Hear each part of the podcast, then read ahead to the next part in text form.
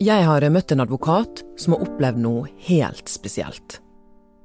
En dag da hun skulle forsvare klienten sin, så endte hun selv opp som straffedømt.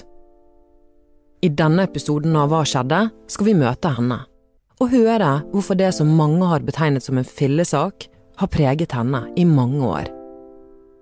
Mitt navn er Anna Magnus. Ja, jeg heter Linda. Eh, jeg er advokat og partner i advokatfirmaet Elden. Og i tillegg så driver jeg med noe vinimport. Eh, jeg bor i Bergen, Sandviken, oppvokst der, og jeg er 44 år. Hun begynte karrieren i Bergen advokatkontor, men har snart tolv år bak seg i advokatfirmaet Elden. Før 2019, la oss ta det som et sånt eh, pinpoint, så ville veldig mange ha kalt meg for en type sånn pitbull-advokat. En som står på, en som ikke er redd. Hvis det var noe uklarheter, så var jeg den som tok de. Um, men det var frem til 2019, da. Jeg er ikke så tøff lenger. Jeg er ikke det. Uh, jeg opplever kanskje at jeg er blitt litt kneblet. Um, litt uh, skremt. Og så har jeg mistet mye troen på systemet jeg jobber i. Det, det kan jeg si. La oss eh, gå tilbake, da, til eh, den dagen i 2019 hvor mye endret seg for deg. Hva var det som skjedde? På det tidspunktet hadde jeg masse klienter i Haugesund. Det var eh, Vi hadde ikke noe kontor der. Jeg bodde i Bergen, og det var ikke så lang vei å reise. Det var dag to i en litt lengre rettssak. Så hadde jeg et, et veldig, veldig kort treff med en annen klient på morgenen.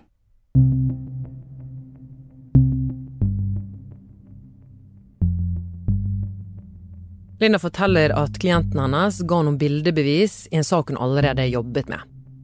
Så hun tok de imot og la bildene i vesken. Og så dro hun videre til retten. Så jeg eh, går av gårde, kommer jeg til, eh, til Haugaland tingrett. Så står det to polititjenestemenn. De er ganske store, eh, i hvert fall mye større enn meg. Eh, de er høy, de er brei. Og disse to, de de går liksom sammen, sånn at de forhindrer meg i å, i å gå inn.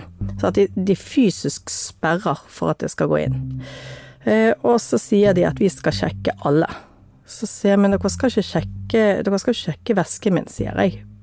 Fordi at jeg har taushetsbelagte dokumenter oppi der. Og oppi mitt hode, det som skjer da, det er jo det at de dokumentene, det er bildebevis. Det er veldig lett. sant? Altså Hvis du ser et bilde, så ser du det bildet, og det bildet, det, det har du sett. altså det er ikke, Men hadde det vært dokumenter med masse tettskrevet tekst, så kunne ikke du på et øyeblikk ha eh, registrert hva det var for noe.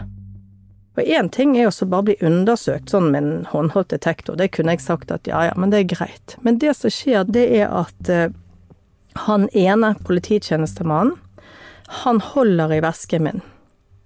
Han andre polititjenestemannen, han tar meg i skulderen, og så rygger jeg, fordi at da, nei, da vil jeg ikke, da, nå trekker jeg meg ut fra denne situasjonen. Dette, dette er ikke greit.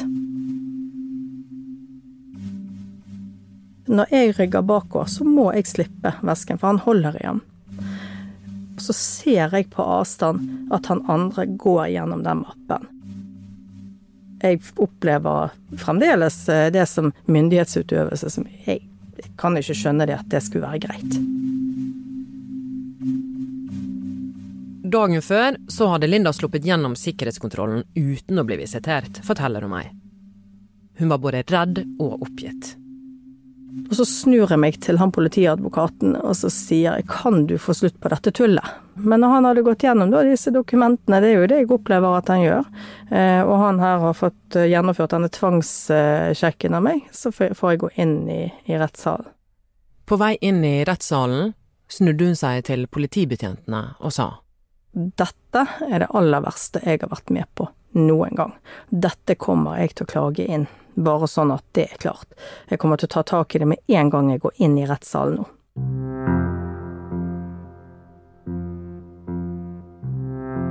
Noen timer seinere forlot Linda rettssalen for å spise lunsj.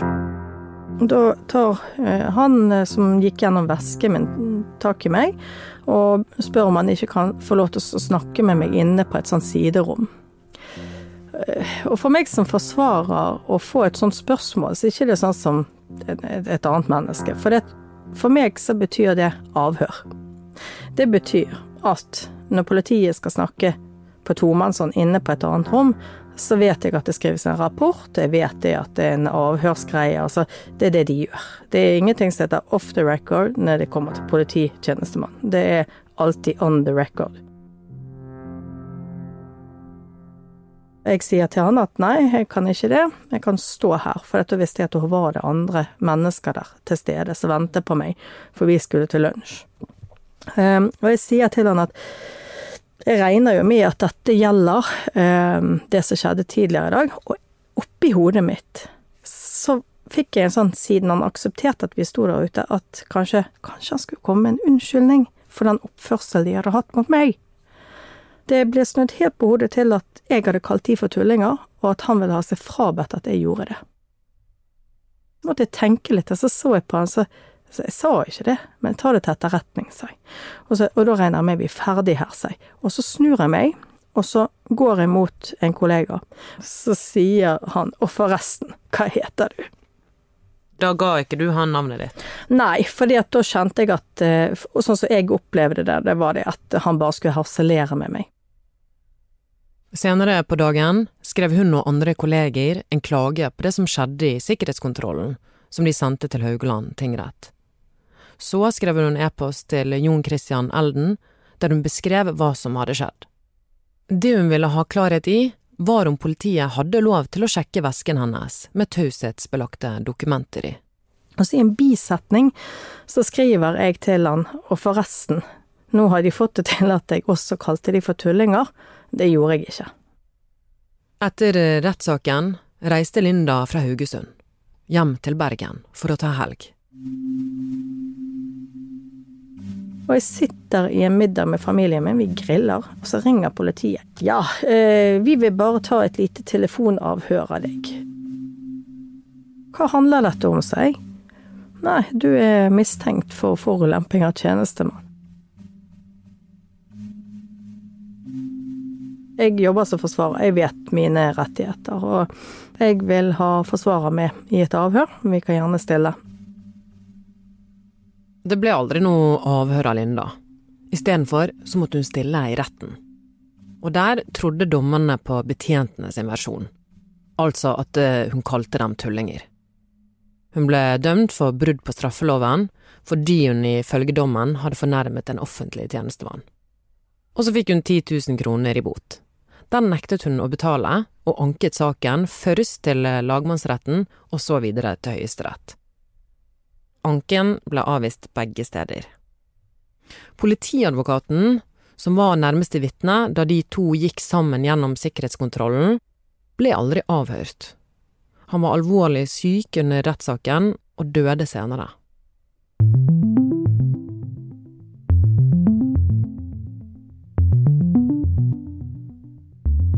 I dommen står det slik retten ser det, burde tiltalte i utgangspunktet sørget for at disse, altså disse dokumentene du hadde med deg, befant seg i en lukket konvolutt eller lignende. Det var for øvrig ingen som ba om å få gå gjennom dokumentene hennes, man skulle bare søke etter gjenstander i vesken. Dersom tiltalte virkelig var så bekymret for dette som hun ga uttrykk for, måtte hun ha latt være å gå gjennom slusen før hun hadde sikret dokumentene på en annen måte. I stedet valgte hun å bruke skjellsord om politifolk som bare gjorde jobben sin. Ja, hvorfor hadde du ikke dokumentene i en konvolutt? Nei, utenbys-advokat, sant. Bare sånn. Vi hadde jo ikke kontor i Haugesund.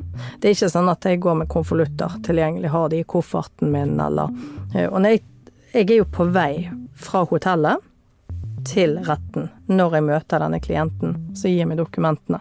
Eh, og jeg mener det at det må være sikkert nok når det at du putter de i en mappe. Når jeg har låst min eh, veske med en sånn klips, så betyr det at den vesken er jo ikke tilgjengelig for noen andre. Hvordan har det preget deg å ikke bli trodd? Veldig. Eh, ja, det har det. det Jeg må jo si det at jeg har vært veldig nedstemt siden dette.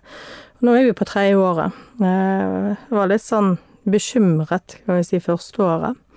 Eh, og så kom jo covid, og så glemte jeg det litt, sant, og så fikk jeg sjokk når det at eh, innkallingen til retten kom. Og så, eh, når dommen kom, det er jo nå 7. september, og det er to år siden, så fikk jeg sjokk da Da rett og slett Jeg jobbet ikke på flere uker, for jeg greide ikke det. Så jeg måtte Altså, jeg ble sykmeldt fordi, fordi at det var så tungt.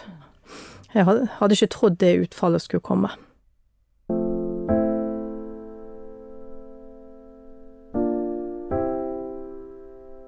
I august så fikk kulturministeren en utredning av Ytringsfrihetskommisjonen. Der trekkes saken til Linda frem som et eksempel. De foreslår å begrense paragrafen Linda ble dømt for. Linda har klaget dommen inn til Den europeiske menneskerettighetsdomstolen. Det er fortsatt ikke klart om de tar den eller ikke. Advokatforeningens øverste organ, Disiplinærnemnda, de har også vært involvert i saken. De ga Linda en såkalt irettesettelse, der de sa at det hun ble domfelt for, kunne svekke advokatstandens tillit.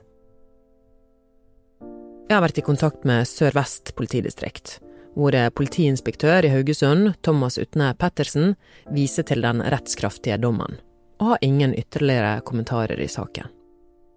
Politibetjentene som er omtalt, har heller ingen kommentarer utover dommen.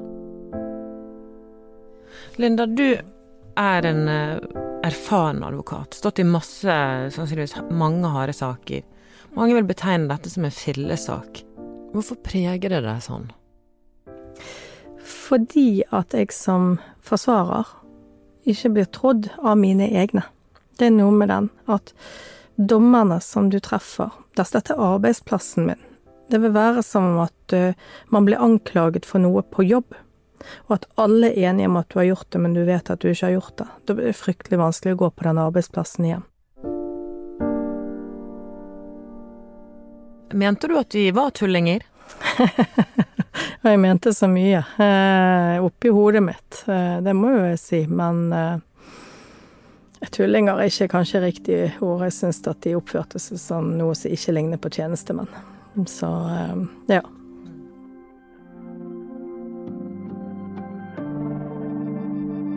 Sitter du på en historie du kunne tenke deg å dele med oss? Da vil vi veldig gjerne høre fra deg. Send oss en e-post på hva skjedde at bt.no. Denne episoden er laget av Anna Offstad og Anna Magnus.